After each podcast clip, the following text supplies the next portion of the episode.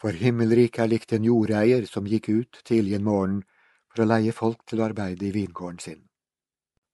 Han ble enig med arbeiderne om en denar for dagen og sendte dem av sted til vingården.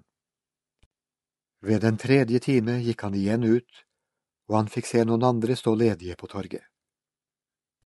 Han sa til dem, Gå bort til vingården, dere også, jeg vil gi dere det som er rett. Og de gikk. Ved den sjette time og ved den niende time gikk han ut og gjorde det samme. Da han gikk ut ved den ellevte time, fant han enda noen som sto der, og han spurte dem, Hvorfor står dere her hele dagen uten å arbeide? Fordi ingen har leid oss, svarte de. Han sa til dem, Gå bort til vingården dere også. Da kvelden kom, sa eieren av vingården til forvalteren, Rop inn arbeiderne og la dem få lønnen sin. Begynn med de siste og gå videre til de første. De som var leid ved den ellevte time, kom da og fikk en denar hver.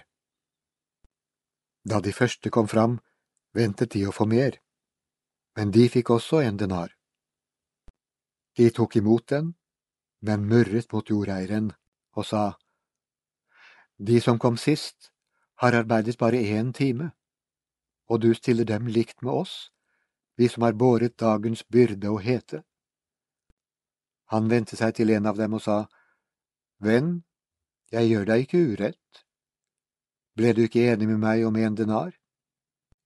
Ta ditt og gå.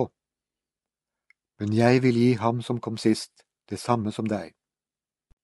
Har jeg ikke lov til å gjøre som jeg vil med det som er mitt? Eller ser du med onde øyne på at jeg er god? Slik skal de siste bli de første, og de første de siste.